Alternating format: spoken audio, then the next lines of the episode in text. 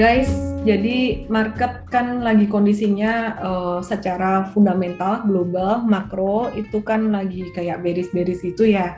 Tapi teman-teman nggak usah khawatir sih. Sebenarnya kalau buat trading tuh selalu ada aja gitu. Jadi untuk tradingnya tuh nggak sampai beris-beris banget gitu.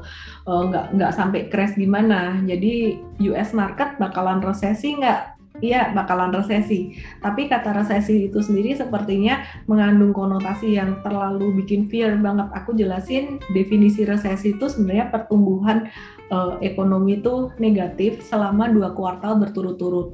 Nah, kalau negatif dua kuartal berturut-turut itu gimana sih? It's not the end of the world. Nggak apa-apa ya. Jadi masih uh, masih dalam batas-batas yang bisa dikendalikan. Dan sebenarnya kalau aku perhatikan kuncinya tuh supply. Supply itu mesti ada dari China.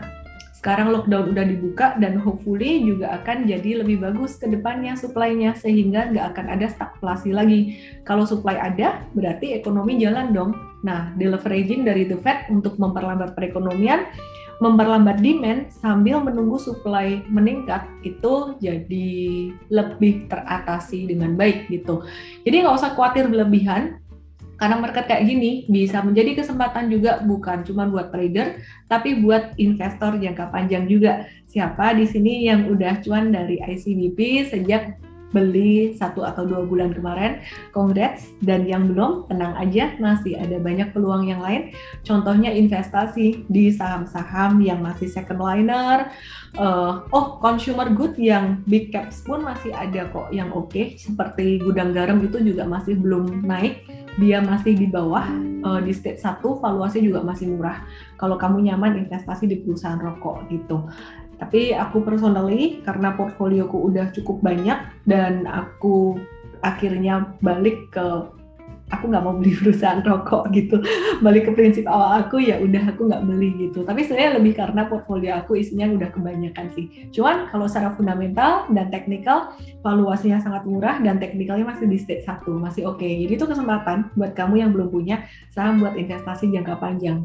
Udah garam will be fine will be okay meskipun saat ini dia masih di bawah gitu. Terus kemudian kayak perusahaan properti ya ngikutin aja batas-batas bawahnya. Nanti kita akan broadcast untuk uh, tips investasi saham-saham apa aja yang masih bisa diinvestasi untuk jangka panjang.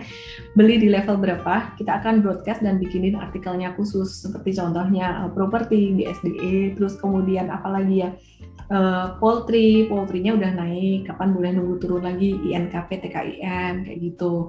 Disclaimer buat teman-teman semuanya, kalau berinvestasi mesti siap yang namanya floating profit dan floating loss, dan gimana teman-teman tetap menahan saham itu karena memahami perusahaannya tuh apa. Kalau kamu nggak siap floating profit galau, floating loss galau, trading dulu aja nggak apa-apa.